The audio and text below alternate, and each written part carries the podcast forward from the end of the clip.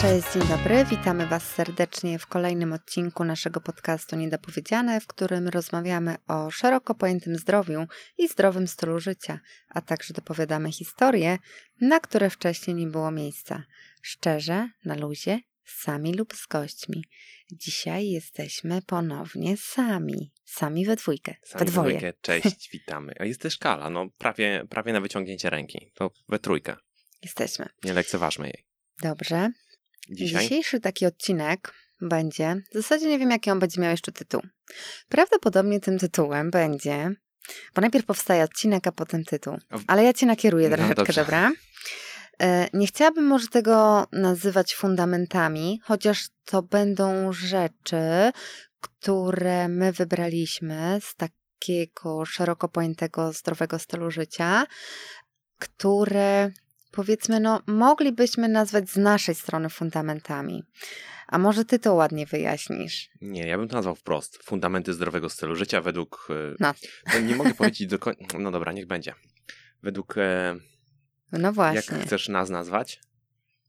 No, Według Bilczeńskich może być? tak. O, Jakaś propozycja padła na antenie, szaleństwo!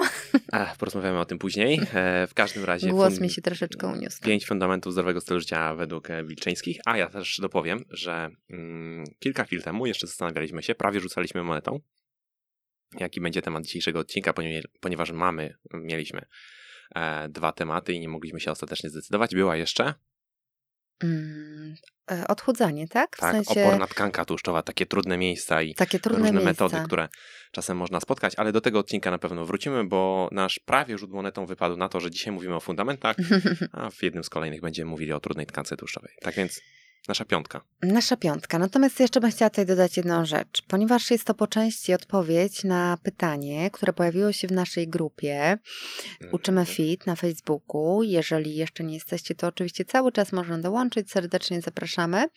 I tam padło takie pytanie, na które my nie zdążyliśmy odpowiedzieć w wejściu na żywo. Mianowicie był tam pan, który zapytał o tym, jak już w zasadzie po osiągnięciu rezultatów, czy też jakby już jest na takiej stabilnej, powiedzmy, drodze, co byśmy mogli poradzić, zaradzić, żeby jakby długotrwale się tym cieszyć. I ja myślę, że to jest troszeczkę o też siebie. odpowiedź, no taka. Więc chyba nikogo nie zaskoczymy. Co będzie na w zasadzie pierwszej pozycji, najważniejszej pozycji, albo może nie chcę tego mówić, najważniejszej, nie najważniejszej, ale na No, wysokiej nocie. Zaczynamy od aktywności. Tak jest. Aktywność to jest e, coś, co jest na pewno fundamentem zdrowego stylu życia e, i to też jest fundamentem mm, e, zdrowego stylu życia, czy też zdrowia, czy też dobrego samopoczucia, dobrego funkcjonowania, dobrej sylwetki. Nie tylko według nas, ale również według piramidy. Zdrowego żywienia i aktywności fizycznej. Tak jest. Więc Już my o niej wspominamy kolejny raz, natomiast jakby jeszcze ktoś nie był z nią zapoznany, to podlinkujemy. I oczywiście są to takie zalecenia, które są kierowane do osób zdrowych, trzeba o tym powiedzieć, w Mhm. celu zachowania ogólnego zdrowego stanu zdrowia, tak? tak, dobre, dobrostanu fizycznego Dobrostanu, i tak. psychicznego. Ja bym mogła powiedzieć, że ta piramida to jest po części taką odpowiedzią właśnie na to pytanie od tego pana naszego, Mhm. e, i mogłaby stanowić bardzo dobry przewodnik, po prostu. Tak, bardzo dobry i fajnie, e, fajnie zobrazowany, tak, bo to jest rzeczywiście tak zebrane bardzo mocno do pigułki, można to rozwinąć, ale rzeczywiście w pigułce tak by to wyglądało, ale myślę, że powinniśmy wyjaśnić, e, dlaczego ta aktywność u nas, dla nas również, jest taka ważna. Dobrze, ale mamy się odwołać do piramidy? Odwołaj się do własnego sumienia, do własnego ja, do swojego Nie no, chciałabym również zaznaczyć, że to jest pierwsze piętro, które jest w piramidzie, a jakby użytkowanie tej piramidy polega na tym, że to, co jest na dole, e, pojawia się u nas najczęściej, Mhm, powinno towarzyszyć w największych proporcjach, ilościach, mhm. a wraz z piętrem piramidy idąc do góry, powinno być tego troszeczkę mniej. Mhm. No i nawet sama piramida już wskazuje, nie tylko my, i to nie jest tylko takie widzi mi się często, które można usłyszeć gdzieś u osób e, promujących zdrowy styl życia, jak ważna jest ta najzwyklejsza, zwykła aktywność, Tak. bo nawet w piramidzie jest podane, że to jest codzienna aktywność na poziomie 30-45 minut. Mhm. Jako taki sposób, który pozwoli zapobiec otyłości, nadwadze i wszelkim innym chorobom. No dobrze, to, to ja bym chciał kilka słów o tej aktywności, ponieważ rzeczywiście my żyjemy w takich czasach, kiedy ta aktywność, no W czasach, nie oszukujmy się, leniwych, leniwych, Siedzących. siedzących, tak, w czasach w czasach siedzących. natychmiastowej gratyfikacji, w czasach, kiedy chcemy mieć wszystko szybko dostępne. Mhm. I tak w zasadzie, no to jakby się przyjrzeć, to już chyba o tym mówiliśmy też w którymś odcinku. Siedzimy mm, przy śniadaniu, siedzimy w samochodzie, siedzimy w pracy, siedzimy jadąc do pracy i tak dalej. Więc Nawet jakby. jadąc na trening siedzimy bardzo O, często. właśnie. Więc jakby proporcje czasu spędzanego w tej pozycji siedzącej do czasu spędzanego w pozycji stojącej są, myślę, że u znacznej większości społeczeństwa Mhm. mocno mm, nieproporcjonalne. Nieproporcjonalne. No to jest. I trudno to jest zrównoważyć jednocześnie. No, nie da się ukryć, prawda? Oczywiście, to warto podkreślić, że nasze ciało, nasz organizm, ludzki organizm nie jest stworzony do pozycji siedzącej. Oczywiście w tej pozycji siedzącej może przebywać, ale tak naprawdę e, im dłużej w tej pozycji siedzącej przebywamy, im niższa jest nasza aktywność generalnie, tym e, coraz bardziej odbija się to na naszym funkcjonowaniu, nie tylko na naszej sylwetce, ale również na naszym stanie zdrowia. Ja to bardzo lubię e, porównywać do butelki, tak, jeżeli mogę, bardzo krótko. to już Tak, gdzieś tam pewnie Chcemy padało. butelkę, chcemy butelkę. Tak, Niektórzy mam już znają butelkę. magiczną. E, Generalnie no, my bardzo często tę butelkę, ta butelka obrazuje nasze zapotrzebowanie energetyczne, albo tak e, trochę skrótowo mówiąc, takiego skrótu myślowego używając, nasz metabolizm. Oczywiście to, jak mówię, to jest to skrót myślowy, ale rzeczywiście Niech pozostanie niech, taki niech w ten teraz. sposób pozostanie, bo dla większości osób e, to będzie bardziej bliższe sformułowanie. Czyli duża butelka, szybszy metabolizm, mała butelka, wolniejszy metabolizm. Jeżeli jest metabolizm szybki, to mogę dużo zjeść, bo w ten sposób to postrzegamy w tym momencie Tak. i nie przytyć. Jeżeli jest mała butelka, no to bardzo łatwo mi jest ją przelać. W momencie, kiedy ją przelewam, czyli dostarczam tak dużo energii, że ona się, że ta energia się z tej butelki wylewa, przekracza to pojemność energetyczną naszego organizmu, no to pojawia się przyrost tkanki tłuszczowej. I oczywiście dla wielu osób to jest ten czynnik, który będzie najważniejszy, tkanka tłuszczowa, która będzie kojarzona z wyglądem. Dokładnie. Natomiast też już podkreślaliśmy wielokrotnie, że tkanka Nawet w tłuszczowa. poprzednim odcinku, prawda? Tak, że tkanka tłuszczowa to nie jest tylko wygląd, to jest również stan naszego zdrowia i kiedy narażamy nasz organizm na to nieustanne przelewanie tej butelki, no to do mm, tego wyglądu, który się e, pogarsza, e, do tych centymetrów, których przybywa, dopisujemy również w długofalowym ujęciu problemy zdrowotne, które z tego tytułu mogą się pojawiać. których na początku niestety jakby efektów, efektów pogorszonego stanu zdrowia możemy nie dostrzegać, tak? Tak. Albo nie czuć. Na to pracujemy Taki bardzo. ukryty, Mhm. ukryty zabójca. ukryty zabójca, który czyha na nas i, i, i, i my pracujemy na jego korzyść, jeżeli taki stan rzeczy e, trwa, Trwa. trwa długo.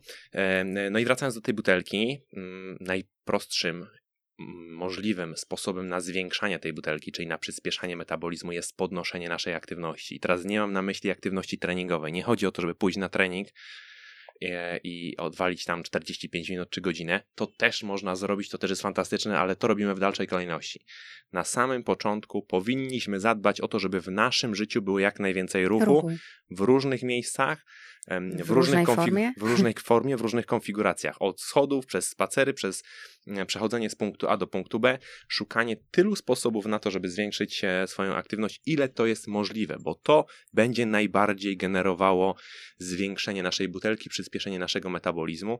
I dzięki temu będziemy mogli jeść więcej, to po pierwsze, dzięki temu będziemy zdrowsi, dzięki temu to będzie też e, przekładało się korzystnie na nasz e, aparat ruchu. Każda forma aktywności w tej materii w formie takiej profilaktyki jest tutaj czymś, do czego bym was mm, czego bym was zachęcał i tak jak powiedziałem, forma ruchu to nie musi być trening stricte, że my idziemy na siłownię, to nie musi być e, mm, taka forma, że my idziemy nie wiem, na basen, czy że idziemy gdzieś na jakieś lodowisko pojeździć na łyżwach, e, pograć się w hokeja, czy jeszcze coś innego, to może być po prostu zwyczajny ruch. I gdyby Tak. ten poziom aktywności był wyższy u ludzi, Mhm. to tych problemów, które są takimi problemami cywilizacyjnymi, ja teraz mam na myśli mniej. problemów zdrowotnych, byłoby zdecydowanie, e, zdecydowanie mniej. Swoją drogą, mm, myślę, że teraz mi to przyszło do głowy, bo był taki eksperyment, właściwie to było ich kilka,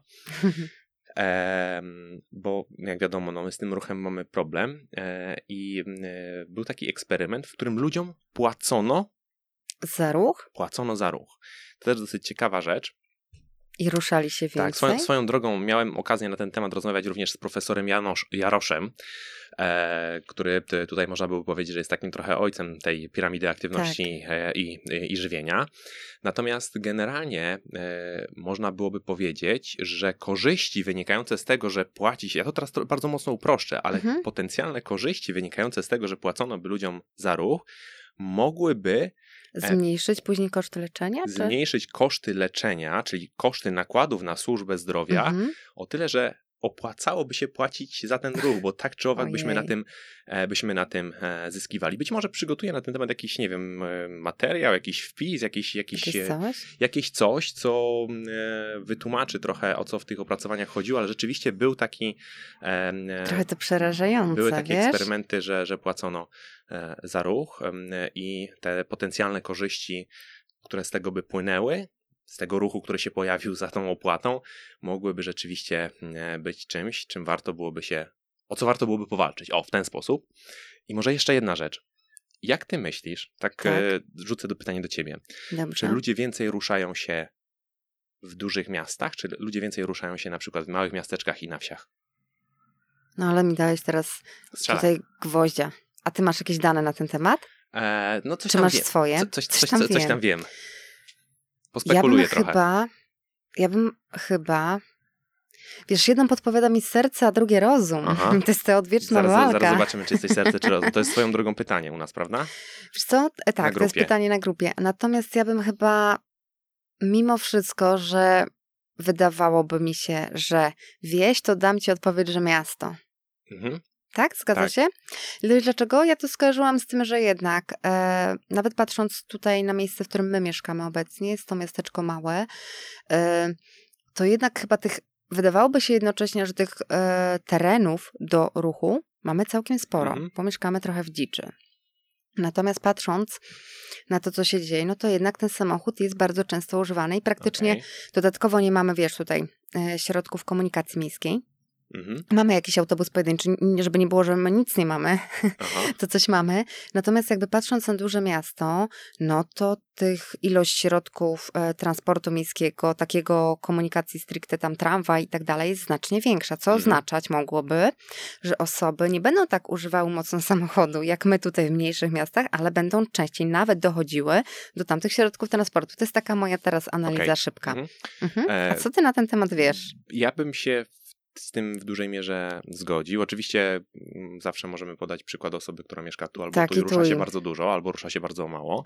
Natomiast całkiem niedawno dotarłem do takich e, danych, które niestety nie są danymi e, bardzo mocno wiarygodnymi, bo to nie jest e, duża grupa. To może jako ciekawostka. Ale to będzie jako ciekawostka, która myślę, że może mieć dosyć silne odzwierciedlenie w, w takim ogólnym podejściu, a być może ktoś na przykład, kto nas słucha, wie na ten temat więcej i ma dane e, bardziej dokładne albo bardziej wiarygodne i może się wypowiedzieć, do tego też za, zachęcamy. Natomiast rzeczywiście e, z tych danych, które, do których ja dotarłem, istnieje taka tendencja, że w miastach e, ludzie zwykle starają się bardziej dbać o ruch, a wynika to w dużej mierze z tego, że w miastach ta świadomość potrzeby ruchu. Aha, czyli z czego innego, tak, ze świadomości raczej. Mhm. Jak negatywnie ten bezruch, jak negatywnie obecny tryb życia, styl życia, e, Rozumiem. pęd XXI wieku, urbanizacja, rozwój cywilizacyjny, jak negatywnie to zaczyna na nas wpływać mm, i zaczynamy gdzieś tu w mhm. głowie coraz więcej myśleć, dobra, musimy to w jakiś sposób zrównoważyć. E, okay, ja kombinowałam. No i bardzo dobrze. zapiszecie na jakieś zajęcia, spróbuję trochę więcej się ruszać, będę, postaram się być bardziej aktywny, aktywna. Więc jakby mm, e, tak to było mm, argumentowane w tych danych, e, na, które ja znalazłem dość przypadkowo.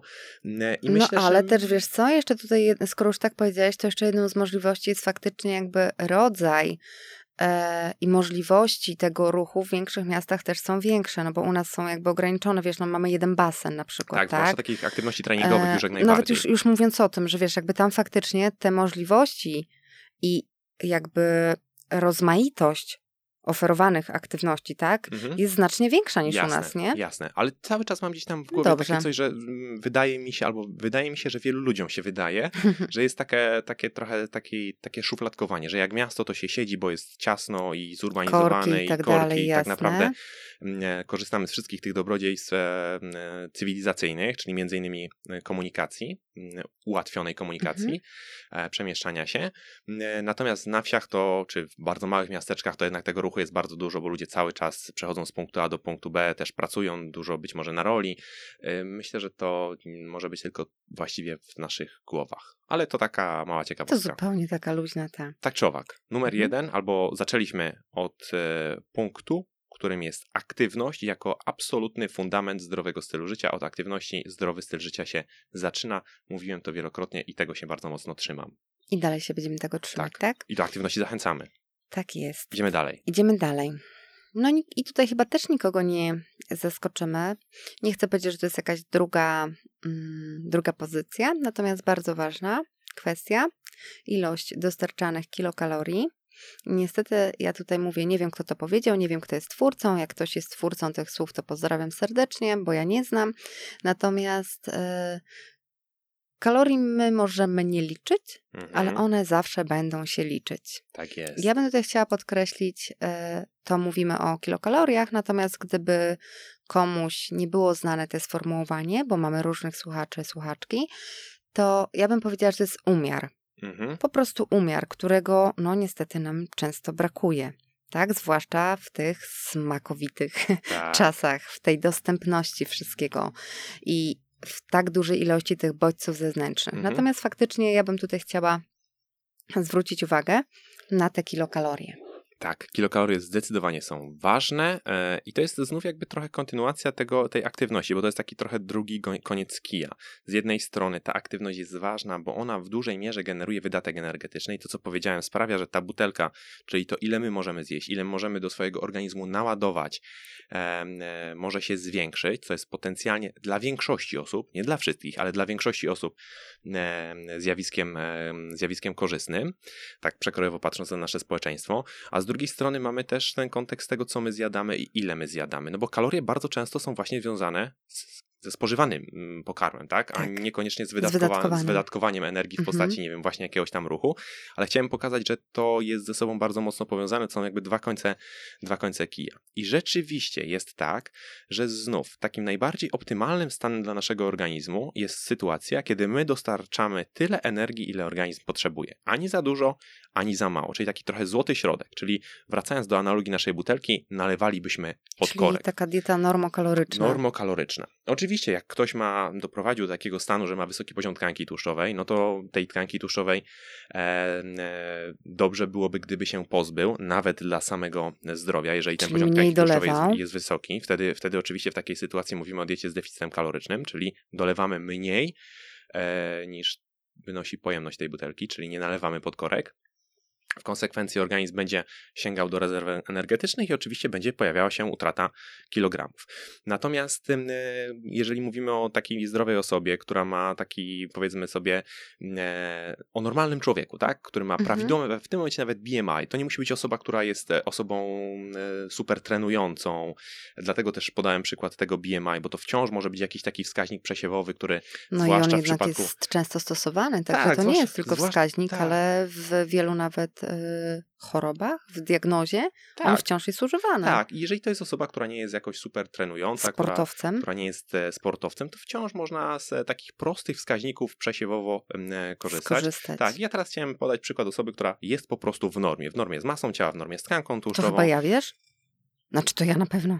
No, Mówisz o mnie, cie, mów, mów. cie, cie, ciebie bym klasyfikował już raczej, raczej jako taką osobę, która ze sportem ma trochę więcej do czynienia.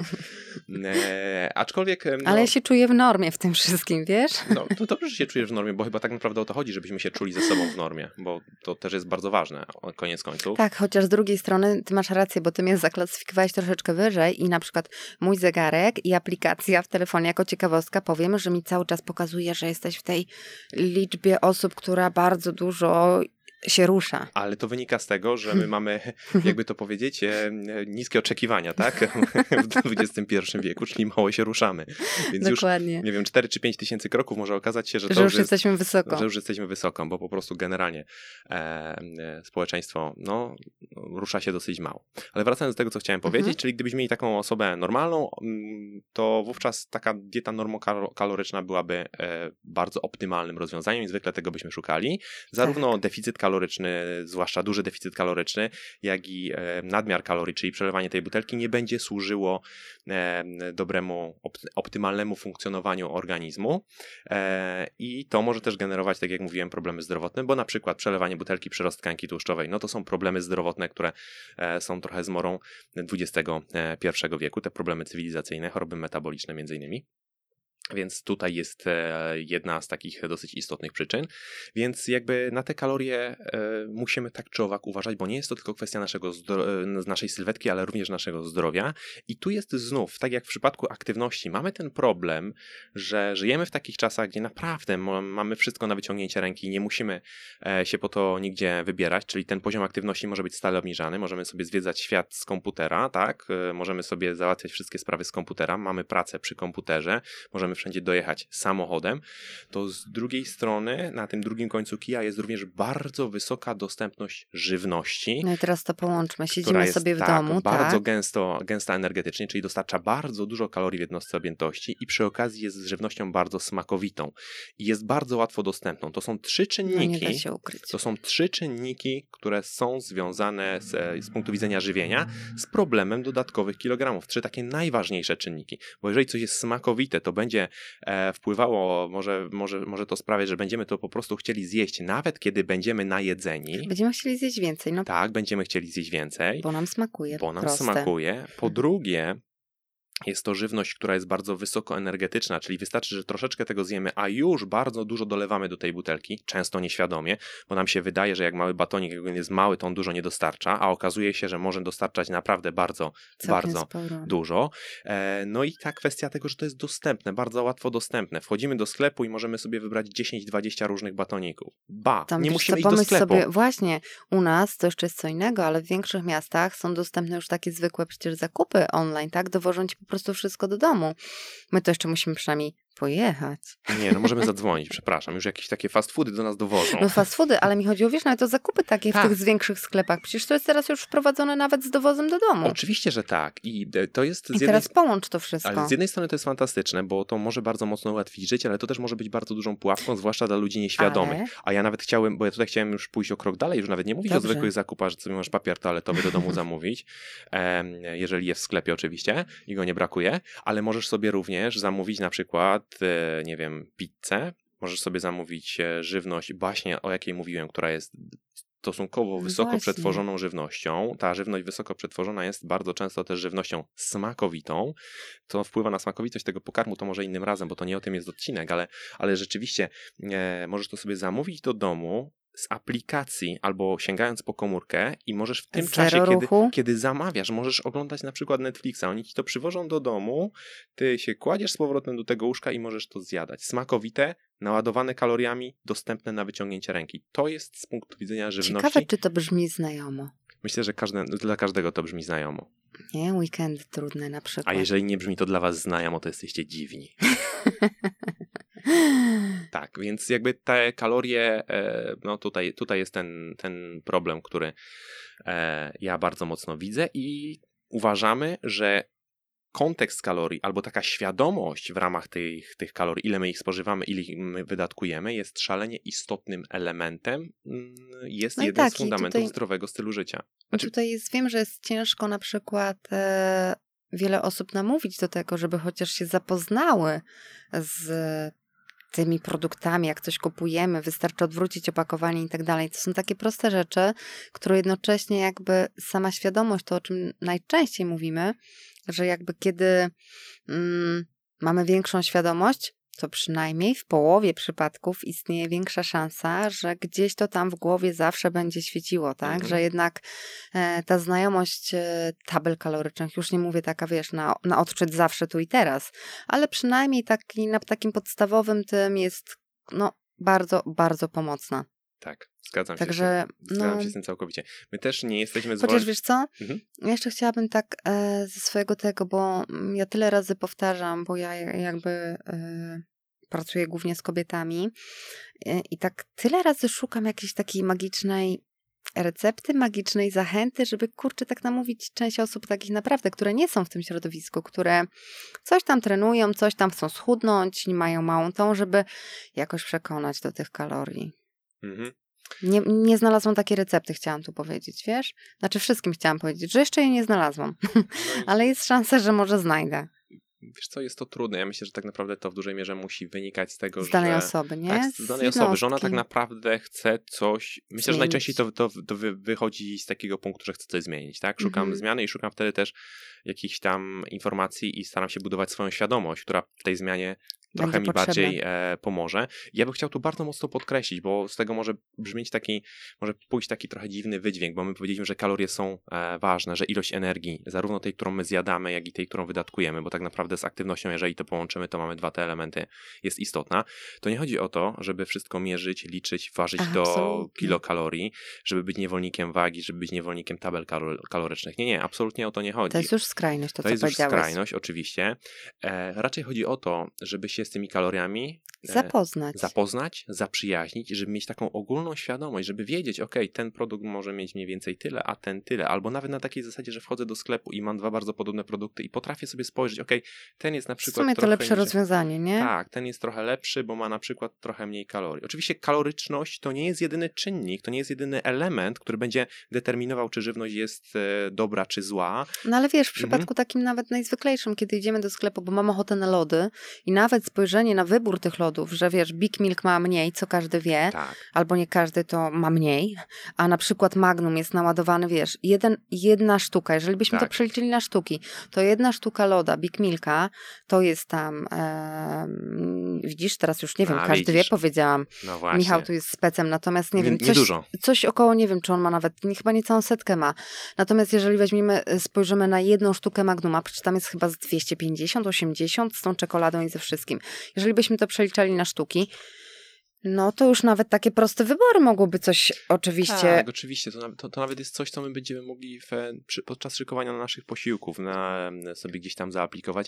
I tak, to wymaga pewnego obcowania z tym. To, to, to nie następuje z dnia na dzień. I tak jak Gosia powiedziała, zawsze tam będzie taka nieubłagana matematyka za tym stała, tak? Czyli te kalorie, jeżeli zbierzemy do kupy i sprawdzimy, ile tak naprawdę wydatkujemy, jeżeli tutaj się coś nie będzie zgadzało w jedną albo w drugą stronę, to będziemy albo na wadze przybierali, albo na wadze tracili. Natomiast nie chodzi o to, żeby być tego niewolnikiem i żeby robić wszystko z tabelą, żeby robić wszystko z wagą, żeby robić wszystko e, z, e, z taką matematyczną dokładnością, z taką zegarmistrzowską precyzją. Raczej chodzi No o chyba, że już jest ktoś na etapie takiej, wiesz, e, kształtowania sylwetki i to jest już jego priorytet, tak? Tak, No to oczywiście. wtedy e, to będzie zasadne. Natomiast e, no, my jednak się staramy pójść w tą stronę, że świadomość, Mhm. znajomość tych produktów po prostu może wiele ułatwić, tak? Bo Tak, czasami oczywiście. jednak mm, i to jest chyba jednak też bardzo częste, co ja widzę w swojej pracy, że wiele osób jednocześnie chce schudnąć, ale nie chce jakby włożyć tej pracy, nawet nie chce wiedzieć nic na temat produktów, które spożywa. Tak. I to trochę stoi, wiesz, no w takim, no, no nie da się, kurczę, tutaj jakiejś użyć magicznej recepty i nie ma tutaj jakiejś magicznej pigułki, która by jednocześnie pozwoliła nam jeść do oporu i chudnąć, nie? Także no, tak z naszej strony to byśmy chcieli to przedstawić w taki przyjacielski I wszystkie, jeszcze dwie rzeczy. sposób. Wszystkie metody, które są związane z tym, że mówi się, że jest dieta, e, na przykład odchudzanie bez liczenia kalorii, no to są to metody, które my wprowadzamy, które mają na celu sprawić, żeby, żeby u kogoś na przykład szybciej pojawiała się e, e, sytość, albo żeby ta Sytość, tak. sytość była dłużej utrzymywana między posiłkami. I finalnie e, wprowadzanie na przykład większej ilości warzyw z punktu widzenia takiego fizjologicznego, e, budowanie jadłospisów w oparciu właśnie o gęstość kaloryczną, to mogą być składowe, które sprawią, że ktoś szybciej będzie mm, się zasycał, że ta sytość pojawi się szybciej i będzie dłużej utrzymywana między posiłkami i taka osoba wówczas, tak, może tracić kilogramy e, bez liczenia Nie kalorii, licząc. ale cały czas ona, nawet nie jeżeli tego nie robi świadomie, no to robi to dlatego, że dolewa do tej butelki mniej niż organizm potrzebuje. I jeszcze jedna malutka rzecz, którą Mhm. powiem zanim przejdziemy do następnego punktu. To jest to, co ty powiedziałeś, że jeżeli ktoś tak się mocno mm, skupia na kształtowaniu sylwetki, e, to wówczas e, te kalorie czasem nawet bardzo dokładnie zaczyna liczyć. I ja się z tym oczywiście zgodzę, zwłaszcza jeżeli mówimy o takich osobach, które gdzieś tam już e, tą sylwetką żyją, to jest u nich priorytet i bardzo często też w ich życiu, no tak jak powiedziałem, jest to numero uno. E, być może nawet aspirują do jakichś sportów, które właśnie z tym mhm. kształtowaniem sylwetki się e, mocno wiążą. Tylko ja zadaję sobie takie pytanie, albo rzucam to w próżnię, czy to jest zdrowy styl życia? To niekoniecznie musi być zdrowy styl życia, bo pamiętajmy o tym, że idealna sylwetka nie musi oznaczać że, e, tak, dobrego zdrowia. zdrowia tak, właśnie. Tak, nie musi oznaczać dobrego, idealnego fantastycznego zdrowia. A tak mam wrażenie, też to bardzo często jest no, postrzegane. Jest postrzegane. Jeżeli ktoś dobrze wygląda, to na pewno jest to zdrowy styl życia. No niekoniecznie tak musi być, bo e, sport na bo przykład... tam się kryje dużo dziwnych zakamarków. Tak, znaczy sport na przykład na takim naprawdę wysokim poziomie, no to bardzo często ma daleko od zdrowia. Bardzo niski poziom tkanki tłuszczowej ma daleko od zdrowia. W przypadku kobiet to w ogóle może być, e, może stanowić istotny pro, problem, e, taki, taki, taki stan rzeczy tak? Bo to może być powiązane z szeregiem problemów zdrowotnych wręcz. Ta, ta idealna sylwetka, słowo idealna dla każdego może znaczyć coś innego, coś ale, innego, ale, mam na myśli takie naprawdę skrajnie niskie poziomy tkanki tłuszczowej, kiedy ta sylwetka była bardzo mocnym priorytetem. Nie chciałbym, żeby to było ostatecznie utożsamiane ze zdrowiem, bo to może, mieć, może być bardzo dalekie od, e, od zdrowia. Czyli podsumowując, umiar. umiar. To, co powiedziałam na wstępie. Złoty po środek, równowaga. Mhm. Dobrze. I teraz ten element, który ja teraz wymienię, bo to by była taka dodatkowa jakby rzecz, dodatkowa, ważna bardzo kwestia, że w zasadzie to się chyba by bardziej tyczyło do punktu pierwszego mhm. niż do punktu drugiego, chociaż w sumie zaraz ocenisz, gdzie to mogę przypasować. Ja bym chciała powiedzieć tutaj takie hasło jak regularność i systematyczność. Mhm. No i teraz, nie za bardzo wiem, czy sama to mogę wpasować mocno w te kalorie, ale z drugiej strony no mogę, tak? Ja myślę, że no my bo... to możemy we wszystko w naszym życiu wpasować. nie, ale jednak e, to wszystko, o czym powiedzieliśmy i ta aktywność każdego, każdego dnia, to ja bym jednak e, dała tę regularność jako bardzo ważną składową mhm. tego wszystkiego, tak? Tak, że ale nie... z żywieniem też na pewno. A że nie powtarzamy czegoś od święta do święta, tylko jednak pracujemy na to, pracujemy na nasze zdrowie, pracujemy na nasze zdrowie teraz, na nasze zdrowie w przyszłości, każdego dnia. Tak. I to, co będzie powiedzmy za 10 lat, to jest to dokładnie suma naszych kroków, suma tego, suma naszych zachowań, działań, suma tego, co my teraz robimy. Suma wszystkich strachów. Był taki film. tak. E, po prostu nasze działania każdego dnia dadzą na przykład efekty za jakiś czas, tak? Mhm. Ja bym chciała, żeby to po prostu podkreślić, bo bardzo często jest tak, o czym nawet dzisiaj mi się zdarzyło w mediach społecznościowych gdzieś tam napisać, że e, my często oczekujemy tych rezultatów bardzo szybko. Tak? I jeżeli ich nie ma po tygodniu czy po dwóch, to niestety bardzo często się zniechęcamy. Jeżeli weźmiemy tutaj mm, odniesiemy to do kształtowania sylwetki, no to tak. Natomiast jeżeli spojrzymy na to z punktów zdrowotnych, no to raczej chyba to jest takie naturalne, że my pewne działania musimy po prostu prowadzić i powtarzać każdego dnia. Tak. Tak? Ja, Taki ja punkt. Myślę, ja myślę, że my pracujemy zarówno na te dobre, jak i na te złe rzeczy. Każdego dnia. Każdego dnia i swoją regularnością, tylko też nie zdajemy sobie z tego sprawy, bo my widzimy, jeżeli pada słowo regularność, systematyczność, to najczęściej zastanawiamy się, ile my musimy włożyć od siebie, ile, jak mhm. często musimy odrastać te gratyfikacje, tak? E, żeby osiągnąć tam jakiś, e, jakiś rezultat, tak? E, I, i, I to jest proces wielomiesięczny, czasem wieloletni. Ale tak samo ta regularność tych nie chcę mówić złych wyborów, bo ja nie chcę oceniać wyborów, ale skoro, skoro mówimy o zdrowym stylu Mniej życia, to tak, takich wyborów, które trochę odsuwają nas od tego zdrowego stylu życia, jak na przykład to leżenie na kanapie i, i no zamawianie tak. pizzy, e, to też jest składowa, która... która się przyczyni w efekcie do tak, no, też na to pracuje, też zdrowia, na, Tak, też na to pracujemy długo, bo nic się nie stanie, jeżeli ktoś sobie raz tę pizzę, na, na, raz na jakiś czas tę pizzę zamówi do domu i obejrzy Netflixa z nią, tak, tak z pizzą. No, ale jeśli będzie to powtarzał codziennie, regularnie, To jest chyba jakiś nowy trend. Oglądam, em, oglądam Netflixa z pizzą. Już nie z człowiekiem, już teraz z pizzą oglądam, w znak czasów.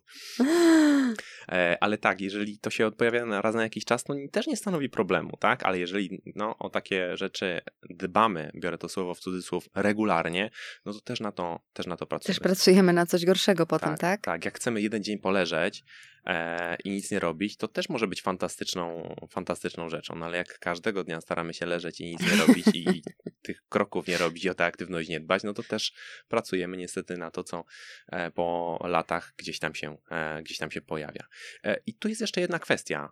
Tak? Kiedy mówimy o tym słowie regularność, ja to trochę tak, bo my mówimy w, duży, w, w, większości takich pewnych ogólnych rzeczach. Raczej mhm. staramy się nie schodzić do detali, nie mówić o takich malutkich zmianach, czy takich malutkich elementach, które również w zdrowym stylu życia mogą odgrywać pewną rolę i odgrywają pewną rolę, ale są już tam trochę dalej. Jak już e, zadbamy o te fundamenty, to szukamy czegoś, mhm. tych mniejszych rzeczy. Ale myślę, że to jest ważna kwestia e, i warto też to uświadomić. E, regularność samego jedzenia. Co ty o tym myślisz? Z takiego o. trochę punktu widzenia psychodietetyki mhm. może. No, ja uważam, że to jest e, szalenie istotna kwestia. Mhm.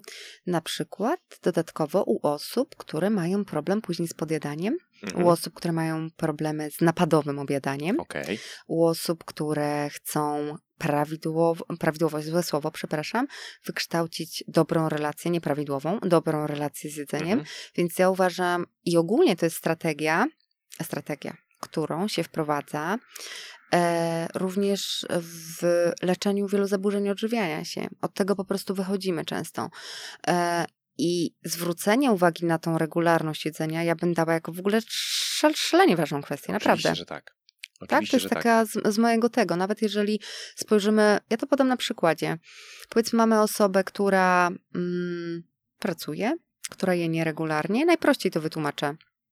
Ona wraca do domu i z jakichś powodów zaczyna się obiadać, zaczyna kumulować po prostu to jedzenie, tak? W sensie e, przychodzę do domu, cały dzień nie jadłam i nagle ładuję, ładuję, ładuję wszystko. Bo opowiadam to trochę w brzydki sposób, ale Bardzo ładny. E, później, kiedy taka osoba by sobie to uświadomiła i zaczęłaby sobie notować, no z czegoś te moje jakby, wiesz, częste napady wieczorne i tak dalej się biorą. I u takiej osoby wprowadzenie nawet już śniadań byłoby szalenie ważnym Oczywiście. czynnikiem. Wprowadzenie później kolejnych regularnych posiłków w efekcie powodowałoby to, że ta osoba by wieczorem nie jadła tyle rzeczy. I to jest, to jest jedno z najlepszych rozwiązań, jakie można wprowadzić u osób, które mm, podjadają zarówno, jak i osób, które mają problemy z tym taką jedzeniem powiedzmy wieczornym i z tymi takimi napadami jedzenia. Mhm. Także z mojej, z mojej strony to na pewno bardzo ważna rzecz. Ale to jest też element, e, od którego ja zawsze staram się wychodzić i mimo tego, co z punktu widzenia fizjologii, takiej stricte matematyki mhm. możemy tutaj sobie przytoczyć e, i zaraz to powiem dwa słowa, to Dobrze. ja e, od kiedy pamiętam i nieustannie się tego trzymam, staram się mówić, żeby ta regularność żywienia u nas była i żeby śniadanie też było spożywane zwykle w większości przypadków raczej po przebudzeniu, żeby go nie odsuwać w czasie. I ja teraz odnoszę to, odnieśmy to raczej do takiej osoby jak, nie wiem, jak Kowalski, tak? Jak większość ludzi, która Dobrze. E, no, nie jest bardzo mocno zaawansowana w temacie i przychodzi teraz mówi, słuchaj, no z punktu widzenia fizjologii, to tak naprawdę jeżeli ty odsuniesz to śniadanie i zjesz sobie o godzinie 13 czy 14, i tak no, naprawdę oczywiście. czy ty zjesz, e, nie wiem, dwa posiłki czy trzy posiłki, jaka będzie regularność, dzieje. nie będzie to miało wpływu ani na twój metabolizm, ani na wielkość twojej butelki, no bo jeżeli kalorie się będą zgadzały, makroskładniki się będą zgadzały, to wszystko się będzie zgadzało. Tak. Tylko, że no, to właśnie prowadzi do tego, o czym przed chwilą mówiłaś u bardzo wielu, e, u bardzo wielu osób. To nie jest metoda budowania dobrej relacji, dobrej powiedziałem? Dobrej, tak. dobrej zdrowej relacji z żywieniem i to nie jest e, dobra metoda budowania nawyków, które tak naprawdę w tym zdrowym stylu życia, o których zresztą też mówiliśmy, e, e, powinny się pojawić, bo to one tak naprawdę będą gruntowały e, naszą, naszą relację ze zdrowym stylem życia i, i, sprawiały, że to będzie z nami albo bardzo długo, albo też e, szybko. Ale to jest to... ogólnie naprawdę no, pierwsza z rzeczy, tak. którą należy wprowadzić u osób, które mają problemy z napadami obiadania się. Ale to też tak, właśnie że... dlatego mówię, że ja i też podkreślam, że nie byłem i nie jestem zwolennikiem metod żywienia takich jak na przykład dieta z e, okresowym postem. Mm -hmm. Oczywiście one Tego mogą występować w różnych odmianach, natomiast to też nie jest tak, że takie metody żywienia w ogóle nie mają prawa bytu, że nie, nie można ich stosować, że, ale cały czas to podkreślam, że to jest, Ale to one powinny być wyborem u naprawdę bardzo, bardzo zaawansowanych i Dokładnie. bardzo, bardzo świadomych osób, teraz które wiedzą, dlaczego taki model żywienia wybierają, a nie robią tego dlatego, że ktoś im powiedział, ty, jak będziesz na okresowym poście, to schudniesz. to, to, to schudniesz, w ogóle będzie wszystko fantastycznie, bo Basia, Kasia i Zosia są na okresowym poście. I teraz przechodzi taki Kowalski na taki okresowy post, ma okno żywieniowe, które trwa 4 albo 6 godzin, powiedzmy, Tylko, że wiesz co jest, on wyczekuje tego okna, nie? Ależ- I już się zaczyna problem. ale oczywiście... Bo on tylko czeka na ten moment, żeby po prostu wszystko wrzucić w to okno, żeby się najeść. I to dla mnie już po prostu, no właśnie, to już dla mnie brzmi jak jakiś niedobry nawyk żywieniowy, kwestia, nie? kwestia względnie regularnego jedzenia, nie jedzenia z, z zegarkiem na zasadzie wybija 14, ja rzucam wszystko i Wiem. jeść, ale względnie regularnego jedzenia, regularnego spożywania posiłków, spożycia śniadania względnie powiedzmy do godziny, półtorej e, po przebudzeniu, to jest coś, co uważam, że będzie I fantastycznym służyło rozwiązaniem. na pewno na I lata. będzie służyło na lata i tak naprawdę to jest coś, co sprawdzi się fantastycznie u 95% Dokładnie. e, społeczeństwa. Tu się I zgadzamy. Do tego też e, bardzo mocno zachęcam. Z punktu widzenia właśnie tej psychologii w dużej mierze, która tutaj za tym stoi, która sprawia, Na że którą się nie zwraca uwagi. No Mhm. wiesz, no ktoś, kto przechodzi, nie zastanawia się, czy e, to, że on teraz będzie trwał i tylko czekał na to swoje okno żywieniowe, to czy mu to długotrwale, wiesz, przyniesie coś Mhm. takiego, co może powodować e, później problemy. Osoba taka po, po pewnym czasie zaczyna popadać, właśnie to, co mówiłam, pojawiają się napady z objadaniem się, tak? Bo ona, wiesz, jak wpada w te okno, to jak w dzikim szale często. tak, Także... ja zawsze, a może, może nie będę teraz... Nie, ale wiesz co mi chodzi, że po prostu używał. jakby to naprawdę nie wygląda, tak spojrzeć na to, to naprawdę nie wygląda jako poprawna relacja z jedzeniem, tak? Otóż No to. jedzenie nie powinno nami rządzić jednak, tak? Kiedy Więc postrzegamy jedzenie, jedzenie przez pryzmat e, kalorii i makroskładników, już pomijam te pozostałe elementy, które również mają znaczenie, jak chociażby witaminy czy składniki mineralne, całkowicie to pomijam w tym momencie. Jeżeli Tak. postrzegamy żywienie, jak to bywa w świecie fit, zdarza się tak e, postrzegać żywienie wyłącznie przez pryzmat kalorii i makroskładników, to dla mnie to jest takie trochę porównanie, jak dać, e, jak wrzucić jedzenie, zrzucić jedzenie do wiadra z całego dnia i trochę jak do koryta e, wywalić e, I to, to żarcie i, i lecimy z tym, tak? Zjedzone, załatwione, idziemy dalej. No nie, to nie jest, to nie jest coś, e, co e, co wrzuciłbym do tego worka z napisem zdrowy styl życia. Ale o I tym coś, co zdecydowanie nie sprawdzi się, no nie oszukujmy się, nie patrzmy tylko na przez pryzmat społeczeństwa mocno fit, bo to jest naprawdę mały ułamek, natomiast patrzmy na mm, przekrojowo na nasze całe społeczeństwo i to się po prostu nie sprawdzi. tak, nie sprawdzi się. O tych kwestiach fizjologicznych być może kiedyś mm, porozmawiamy, bo też jest to fajna rzecz, e, chociażby omówienie tego, co może się dziać na przykład z kwestią spożywania kalorii, kiedy odsunie się w czasie śniadanie, ale tak jak mówię już bardziej z punktu widzenia fizjologii. Nie wchodzimy w to teraz, bo to są rzeczy Dobrze. na e, zupełnie, zupełnie inną rzecz, ale chciałem na rzecz- zupełnie inny temat, na zupełnie inny odcinek. Natomiast chciałem też, e, żebyś podpowiedziała trochę właśnie z punktu widzenia tego, tej regularności jedzenia, bo wiem, że w psychodietetyce na to kładzie się ogromny nacisk. To jest trochę właśnie regularność jedzenia, to jest dla mnie e, widzenie, e, posiadanie na pierwszym planie, o, tak Mhm. powiem trochę inaczej, posiadanie na pierwszym planie człowieka, a nie liczb. Tak, Okej, mamy. mamy to. Trzy elementy już. Trzy elementy. Czwarty element to jest coś, co mm, bardzo często powtarzamy i to będzie trochę z y, podobnej półki jak systematyczność i regularność, bo ja bym tutaj chciała powiedzieć, że wszystko to, o czym powiedzieliśmy, wprowadzamy metodą małych kroków, o której już tyle razy mówiliśmy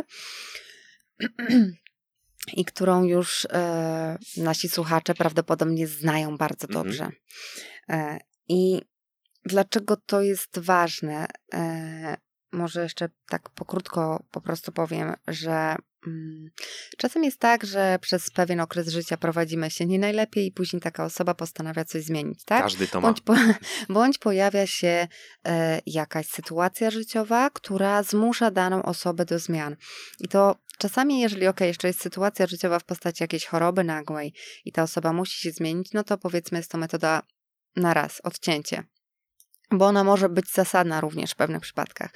Natomiast jeżeli jest to osoba, która jest zdrowa, tak jak powiedzieliśmy, ale uświadomiła sobie, że no, nie najlepiej się prowadziłam, pojawia się tutaj jednak mm, za wysoka liczba kilogramów, które, już mówiąc naprawdę najprościej, które w długotrwałym jakby e, noszeniu nie przyniosą mi dobrych, dobrego samopoczucia, dobrego zdrowia i wręcz e, rozwinie się na tej podstawie mm, szereg chorób cywilizacyjnych. I taka osoba sobie to uświadamia, to ryzyko jednak tych nadprogramowych kilogramów, to wszystko, co wprowadza, ja bym sugerowała, żeby wprowadzała metodą małych kroków, o czym już wiele razy mówimy, że kiedy ktoś zaczyna wywracać z dnia na dzień swoje życie o 180 stopni, to również bardzo szybko po prostu Wywróci z powrotem o 180 stopni wywróci i się w punkcie wyjścia. Ale jakby mm, wprowadzanie zmian małymi krokami ma przede wszystkim tą zaletę, że my nie wprowadzamy zbyt wielu obciążeń sobie na raz. To Mhm. nie jest po prostu obciążająca metoda. A kiedy nawet byśmy chcieli wprowadzić wszystko na raz i to będzie fajnie wyglądało na papierze, to w momencie, kiedy wchodzi życie, nasze obowiązki, rodzina i wszystkie inne zajęcia, praca, my najzwyczajniej w świecie no nie jesteśmy w stanie wprowadzać miliona zmian w jednym czasie. Po prostu nie jesteśmy do tego stworzeni i należy sobie to uświadomić raz, zapamiętać, żeby nie popełniać tych samych błędów wiele, wielokrotnie. I to jest też często mm, taka metoda, rada dla osób, które na przykład się odchudzają i bardzo często te zmiany właśnie wprowadziły w jednym momencie, bardzo dużo zmian, odcięły wszystko od poniedziałku, odcięły wszystko od pierwszego, i nagle po pięciu, sześciu tygodniach są już tak zmęczone tym trwaniem wręcz, bo to jest już trwanie wtedy na dietach, Mhm. e, to może warto pomyśleć o tym, że skoro tamte metody mi nie służyły, to może ja zacznę wprowadzać jednak te zmiany e, małymi krokami. E, I dlaczego to jest też fajna metoda? E, dlatego, że kiedy ta nasza poprzeczka jednocześnie, co nie jest atrakcyjne, ale nie jest ustawiona wysoko, to my bardzo szybko również widzimy nasze pierwsze sukcesy, tak? W przypadku, to mówiłeś nawet w poprzednim odcinku na przykładzie tej ilości kroków, tak? Tak. No co z tego, że no faktycznie dążymy do jak największej ilości kroków, ale w oparciu o nasze możliwości. Jeżeli ja jestem w moim obecnym momencie życia gotowa tylko robić powiedzmy tych, ja już nie chcę, żeby to było takie, że my po prostu liczymy obsesyjnie te kroki, nie, ale jeżeli jestem w stanie wyjść codziennie, może będę mówiła bez liczby, wyjść codziennie na 20-minutowy spacer, to i to jest fantastyczne i to jest mały krok, który ja mogę wprowadzić poniedziałek, wtorek, środa, czwartek, piątek. I ja idę na ten spacer, ja widzę, że ja coś robię w kierunku tego mojego zdrowia i dzięki temu ja później po prostu na koniec dnia wiem, że ja coś zrobiłam, tak? Ja się po prostu czuję z tym lepiej. E, natomiast gdybym ja sobie od początku jakby, wiesz, narzuciła, że to musi być ta godzina dziennie, Mhm. no a ja nie jestem w stanie sprostać temu, bo przepraszam, no, dzieci małe, e, praca do 19, zakupy, gotowanie, kolacja, później i jakby ta ilość obcią- obciążeń, którą my mamy, często jest tak duża, że my po prostu no, nie jesteśmy w stanie tak dużej aktywności prowadzić w danym momencie życia każdego dnia. Mhm. I jakby mm, przede wszystkim ta metoda małych kroków również buduje coś, o czym już wcześniej mówiłam, tak? Czyli większe poczucie mm, własnej skuteczności. To jest coś, co jeżeli ja widzę, że ja każdego dnia jestem w stanie prowadzić te 20 minut aktywności, to ja po prostu czuję, że ja coś robię, czuję, że ja robię coś dobrego.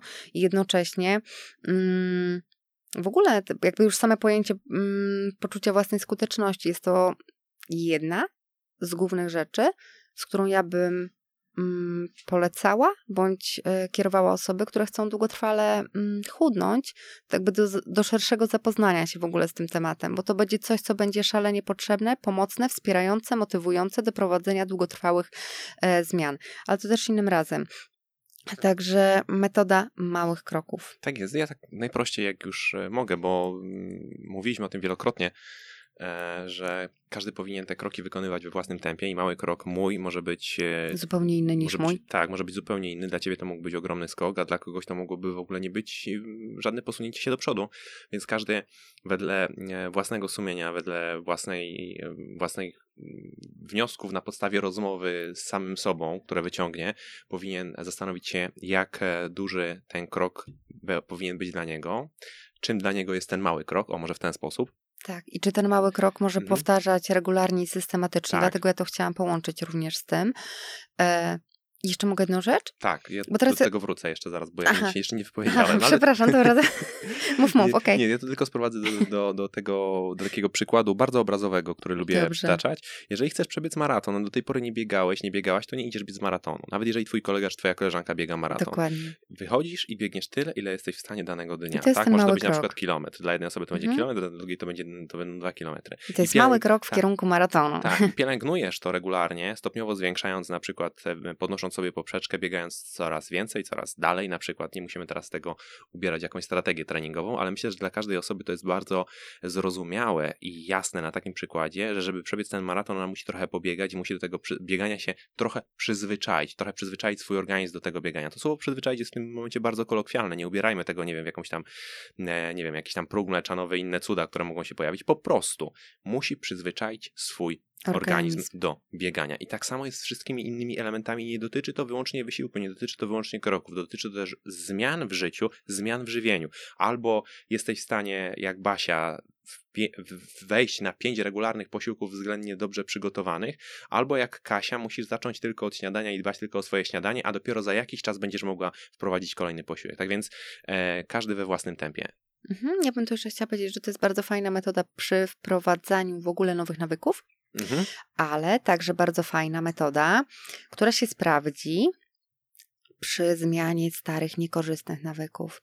Mianowicie, mm, jeżeli ktoś ma problem i z codziennym na przykład jedzeniem słodyczy, to ja jednak jestem za tym, żeby metodą małych kroków również eliminować te słodycze od nas. Jeżeli dostrzegamy, że jakby te słodycze są w zbyt dużej ilości i zbyt często u nas, to zdecydowanie odradzam tutaj 100% albo nic. Odcinam od poniedziałku słodycze, tylko jednak metodą małych kroków. I ja to też również w webinarach naszych mówiłam klubo, klubowych, jak e, poradzić sobie na przykład z tymi słodyczami. I to jest właśnie jedna z tych opcji, że zarówno my nowe rzeczy korzystne wprowadzamy metodą małych kroków i te takie niekorzystne również jednak wyprowadzamy metodą mhm. małych kroków, bo to nie spowoduje dla nas jednocześnie takiego poczucia na przykład utraty, bo jak wiesz, ktoś nagle utraci te słodycze, to jest taki smutny. Jasne. E, bardzo często będzie za nimi tęsknił. Ja już mówię tak naprawdę bardzo obrazowo, ale tak to się dzieje, że w momencie, kiedy komuś nagle odetniesz to wszystko, to ta osoba wręcz drugiego, trzeciego, piątego dnia, ona będzie cały czas o tym myślała, wiesz, bo ona mhm. już tego nie ma, nie? I ona będzie to po prostu jakby myślała, jak to fajnie było, kiedy ja to wszystko miałam. I ona będzie miała takie poczucie jakby utraty czegoś wręcz. Tak. I, I z takiego mm, punktu psychodietetycznego to jest bardzo ważne, żeby jednocześnie to, co wprowadzamy i to, co wyprowadzamy, robić jednak metodą tak, małych to, to kroków. Jeszcze, jeszcze dodam, bo to, są, to jest też prawdopodobnie rzecz, mhm. która mm, sądzę, że może dotyczyć wielu naszych słuchaczy. I to jest też e, coś, co no, jest już takim zabiegiem bardzo mocno praktycznym, do Dobrze. którego ja też e, staram się zawsze zachęcać, albo często tę drogę właśnie gdzieś tam e, staramy się wybierać, że załóżmy, że jesteśmy, mówimy o osobie, która naprawdę swoje kalorie liczy, bo umówmy się, jest e, część ludzi, zwłaszcza w świecie fit, gdzie te kalorie są, kalorie liczą? Tak, są liczone i one, jesteśmy w takim, czasem potrafimy wejść w taką pułapkę, gdzie robimy to dosyć precyzyjnie. E, no i jeżeli taka osoba ma już pewną świadomość, polegającą na tym, że wie ile co ma mniej więcej kalorii, ma w jakiś tam sposób kontrolowaną aktywność, stara się o nią dbać, może ma jakiś trening rozpisany do tego, mhm. z którego stara się korzystać, ma wyliczoną powiedzmy kaloryczność swojego jadłospisu, rozpisane posiłki, przygotowane posiłki, być może nawet przez kogoś, na kartce, no bo jeżeli ktoś pracuje z dietetykiem na przykład, no to naturalną, naturalną koleją rzeczy taką rozpiskę będzie posiadał. Posiada. Natomiast powinniśmy dążyć do tego, żeby taką osobę w pewien sposób usamodzielnić, żeby taka osoba potrafiła radzić sobie samodzielnie z szykowaniem tych posiłków, przygotowaniem tych posiłków i żeby robiła to w sposób świadomy, zarówno jakościowo, jak i ilościowo. I teraz niezależnie, czy ktoś pracuje z, z, z osobą, z jakimś specjalistą, no prawdopodobnie jeżeli specjalist, pracuje ze specjalistą, to specjalista powinien przez tę drogę przeprowadzić. Natomiast jeżeli ktoś ma taką rozpiskę od kogoś, albo sam sobie taką rozpiskę przygotował i czuje, że jest w takim punkcie, gdzie to wszystko jest takie mm, bardzo mocno kontrolowane, to bardzo fajną metodą małych kroków jest wprowadzanie takiego jedzenia intuicyjnego, polegającego na tym, że ja już, ok, wiem ile co mam mniej więcej kalorii, wiem jak wygląda mój jadłospis, ale teraz pozwalam sobie na to, żeby na przykład jeden posiłek z mojego jadłospisu był szykowany bez kartki intuicyjnie. Mam tak. cztery posiłki, powiedzmy, że w jadłospisie mam pięć posiłków każdego dnia, mam cztery posiłki, które jem z kartki, ale jeden staram się szykować trochę bardziej intuicyjnie. I może robię to przez tydzień, może mogę nawet to robić co drugi dzień. To jakby znów, metoda tych kroków będzie, jak duże będą to kroki, Dokładnie. zależy od tej Ty osoby. powiedziałeś od razu tutaj mhm. o metodzie wychodzenia z podejścia 100% albo Otóż nic. Otóż to. I teraz e, w następnym tygodniu albo za dwa tygodnie próbuję e, umieścić w swoim jadłospisie każdego dnia dwa posiłki, które będą szykowane w sposób intuicyjny. I obserwuję, jeżeli nic złego się nie dzieje, fantastycznie, czyli to działa. Ja potrafię już teraz mieć trochę więcej mhm. swobody na pewnym polu mojej diety, dwóch Dokładnie. posiłkach powiedzmy i, tym, i tak dalej, i tak dalej, aż dochodzimy do takiego momentu, kiedy ta osoba potrafi się żywić intuicyjnie, ale ona nie wskoczyła od razu w, ży- w intuicyjne żywienie, tylko ona przeszła taki etap, ja to nazywam takim ele- e- etapem edukacji, który sprawił, że ona e, być może wtedy osiągnęła swoje pewne rezultaty, może wszystkie, cały ten plan zrealizowała z punktu widzenia rezultatów, które chciała, być może nie. Natomiast e, przeszła ten element e, budowania pewnej świadomości, ile co ma kalorii, co jest dobre, ma tę fundamentalną wiedzę i teraz z punktu widzenia tego takiego ludzkiego podejścia, tego człowieka, który tak naprawdę w niej siedzi, stopniowo uczy się funkcjonować w tym bez tabelek. Dokładnie tak i to ty fajnie opisałeś już to, bo to jest dokładnie sposób na wyjście ze 100% albo nic, więc jak ktoś z naszych słuchaczy, a wiem, że jest bardzo dużo takich osób, to dokładnie tą metodą mm, powinien sobie zacząć przynajmniej radzić z tym. Tak jest. I piąty element. Ja Piąty teraz cię w element. niego wprowadzę, Dawaj. bo kiedyś powiedziałam, że są takie, co prawda my już tego elementu tutaj nie mm, omówiliśmy, trzy kosmetyki, które polecam do stosowania każdego Mhm. dnia. I to była woda, sen i uśmiech. O roli wody to może już innego dnia albo gdzie indziej, Mhm. ale jakby tutaj się pojawił ten sen. Tak. I kiedyś tak fajnie powiedziałam, że jest to taki magiczny eliksir zdrowia i urody, zastrzyk energii i witalności, panaceum na tyle dolegliwości. I to wszystko my mamy na wyciągnięcie ręki, a więc śmiało korzystaj i śpi.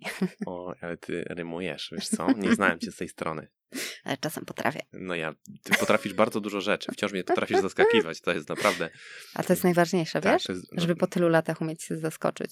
no, to dużo. Naprawdę. Okej, no to nasz sen. Sen. No tak, sen jest e, tym elementem, który Dodalibyśmy tutaj do tej układanki. dodalibyśmy do tej układanki jako nasz piąty e, fundament zdrowego stylu życia. E, I kurczę, no znów jest to takie, tak, taka, taki, taka czynność, tak? Można nazwać to czynnością, o którą jest trudno dbać. Bo która jest często w zaniedbywana. XXI wieku, no umówmy się, wyśpię się po śmierci. No jak to umówmy się, Netflix cały czas wypuszcza dobre seriale. Tak, a a pizzę, jak ca, a pizzę ca, cały, cały czas czas dojeżdża. dowożą, nie? No, Nawet 24 na dobę niektórzy. tak. E, No tak, jeżeli chodzi o kwestię snu, jest to szalenie istotna kwestia, kwestie snu, szalenie istotna kwestia masło maślane, no. Bo już chyba długo no mówimy. już prawie godzinę. Więc generalnie skrócę ten sen. Dobrze. Bardzo fajna w ogóle, fajna kwestia z punktu widzenia e, tego, co można o niej powiedzieć, jak dużo można o niej powiedzieć.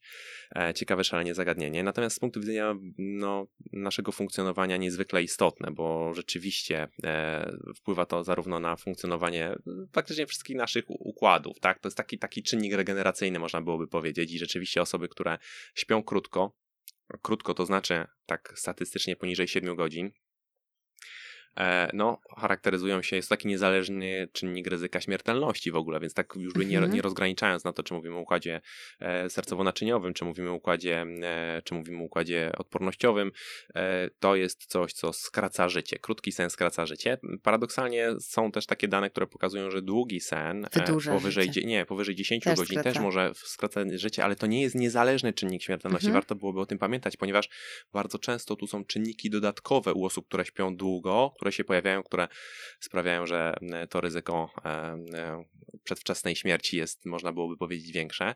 Natomiast nawet przenosząc to na nasz taki zwykły grunt, na razie tylko samej sylwetki, osoby, które nie dosypiają, które śpią krócej niż... Lubię tę ciekawostkę. Tak, Znaczy to nie ciekawostka. no, fakt. Fakt. E, Osoby, które śpią krócej niż 7 godzin, e, zwykle spontanicznie spożywają więcej kalorii i to Ja ponad, to mam sprawdzone. no, ponad 300 kilokalorii więcej nawet może się pojawić się Siedem wyższe to i tak jest dużo, a ty się prześpi dwie godziny, to zobaczysz, co będzie. No oczywiście, że to będzie, to będzie, to będzie Ja ogóle... wtedy już zaczynam, o, źle płynąć od szukasz, rana. Szukasz od Ja samego rana. szukam, szukam. Poszukujesz. co I to naprawdę ja mam, e, i u mnie to występuje za każdym razem. zjeść. Aha. I Kiedy my mało śpimy i po prostu wyjeżdżamy w jakąś trasę, jesteśmy po dwóch czy trzech godzinach snu, to u mnie już się bardzo szybko zaczynają Tak. te kłopoty z wyborami żywieniowymi, z Mhm. ilością zjadanych kilokalorii, Tak. także e, rzeczywiście, chociażby gdybyśmy chcieli spojrzeć na to z punktu widzenia poziomu leptyny, to już taka jednorazowe zarwanie nocy będzie powodowało niekorzystne efekty w postaci właśnie tego, że będzie nam, e, e, że będziemy mieli problemy z kontrolą głodu i sytości. Będziemy chcieli spożywać więcej. Te wybory żywieniowe też się zmieniają. Ludzie sięgają po produkty, które są bardziej Są tłuste, bardziej szaleni. a rezy- rezygnują z produktów, które są produktami bogatymi w proteiny bardzo często, jakby zmniejsza się spożycie protein. E, Wpływ na korę przedczołową, to co już gdzieś tam też e, wielokrotnie wspominałem, e, sprawia, że te, mm, ja to tak nazywam prosto, że nasza silna wola może już nie być taka silna i mamy zdecydowanie No łatwiej przerwać dietę, mamy zdecydowanie łatwiej sięgnąć właśnie po batonik zamiast po jakiś bardziej pełnowartościowy posiłek, czyli pojawiają się nieracjonalne wybory żywieniowe z tytułu mm, krótkiego czasu snu, a przy okazji, e, czyli mamy, wracając do tych punktów, które się pojawiły wcześniej, mamy większą szansę, że tych kalorii, o których mówiliśmy, będziemy spożywać wtedy więcej, to po Tak. pierwsze. E, mogą one być też kiepskie jakościowo, to po drugie. E, a po trzecie, e, chociaż nie wszystkie opracowania to wspierają, no może spaść nasza aktywność spontaniczna, czyli możemy się mniej ruszać. Jak człowiek jest niewyspany, to jest zmęczony, najchętniej by się położył, najchętniej by leżał. Nie, e, nasza aktywność spontaniczna generalnie może ulec obniżeniu, co oznacza, że ten znów jeden z pierwszych punktów, o których mówiliśmy, aktywność, na będzie leciał niżej, czyli butelka się Mhm. będzie zmniejszała. Kurczyć. Mamy takie kombo, tak? Em, chętniej jem, mniej, Mniej się chętniej się ruszam. ruszam. Czyli tak naprawdę kombo, które no, możemy mm, wrzucić do worka i opatrzyć go takim napisem ryzyko dodatkowych kilogramów, trudności z, z odchudzaniem się. To są, to są rzeczy, o których warto pamięci, pamiętać, które trzeba mieć na uwadze, ale to są też również problemy na przykład takie na polu em, bardziej, nazwijmy to, neurologicznym, problemy z zapamiętywaniem, problemy z kojarzeniem, problemy z e, takim normalnym, optymalnym funkcjonowaniem. Więc jeżeli jesteśmy niedospani, jeżeli nie dosypiamy, no to ten dobrostan tutaj nasz e, zostaje bardzo mocno zachwiany, co może mieć przełożenie zarówno na problemy zdrowotne, jak i na problemy sylwetkowe, jak i tak na takie nasze normalne, codzienne funkcjonowanie, które, e, które e, się pojawia. W ogóle są takie opracowania, Tak. mm, kurczę, gdzieś je miałem. Poszukam. Nie chcę teraz przekręcić niczego, ale które e, oceniały ryzyko napadów złości, napadów gniewu Mhm. w przypadku e, krótkiego czasu snu. Tak, i Mhm. e, jest ono istotnie zwiększone. Tych czynników jest tutaj dużo.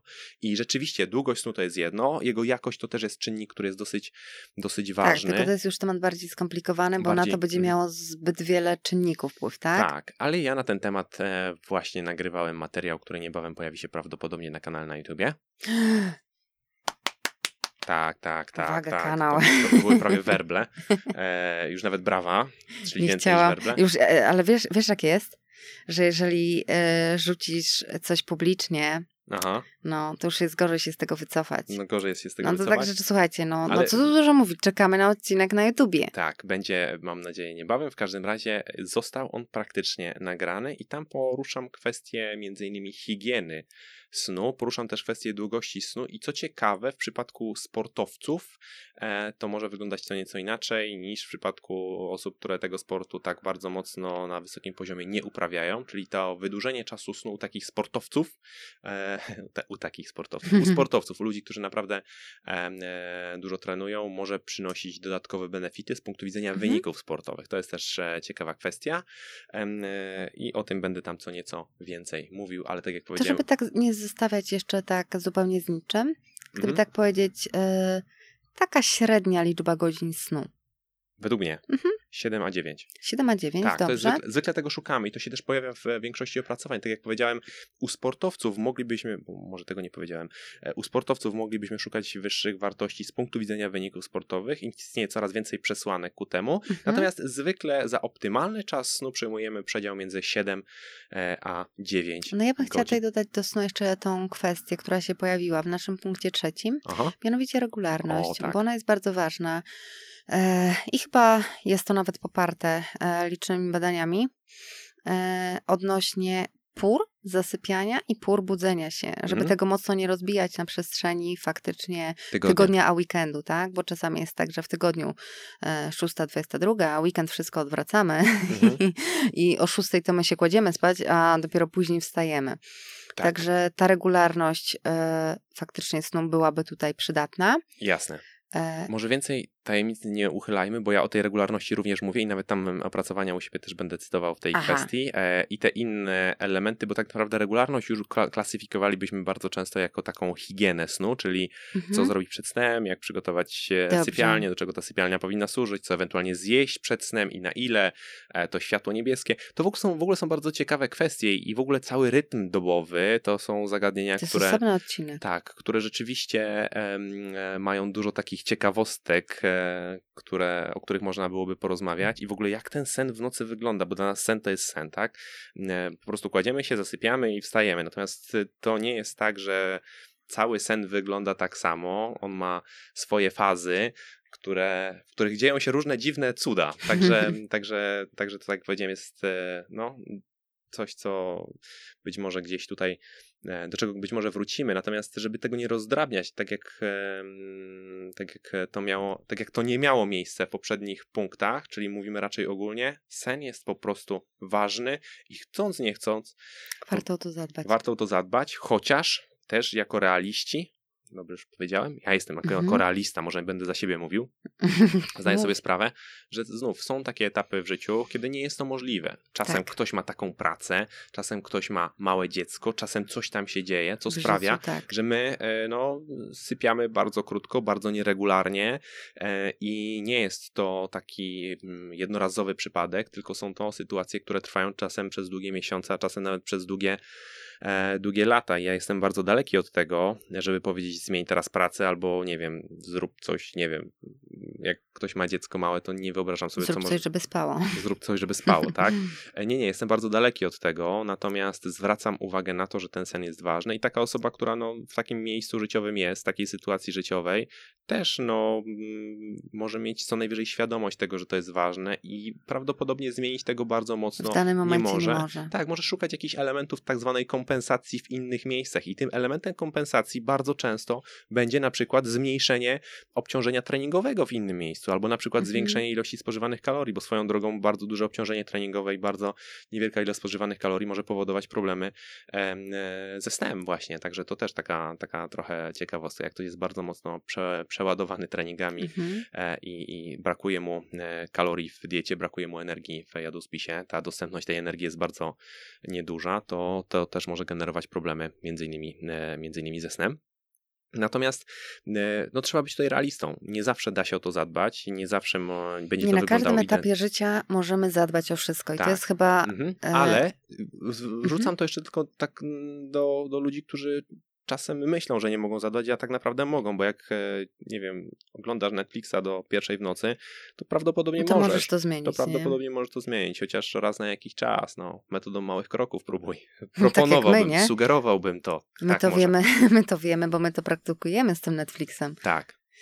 No dobrze, to żeby podsumować, w dzisiejszym odcinku z naszej strony mamy takie pięć fundamentów, które my wybraliśmy, które tak. mm, są ważne, naszym zdaniem. Tak.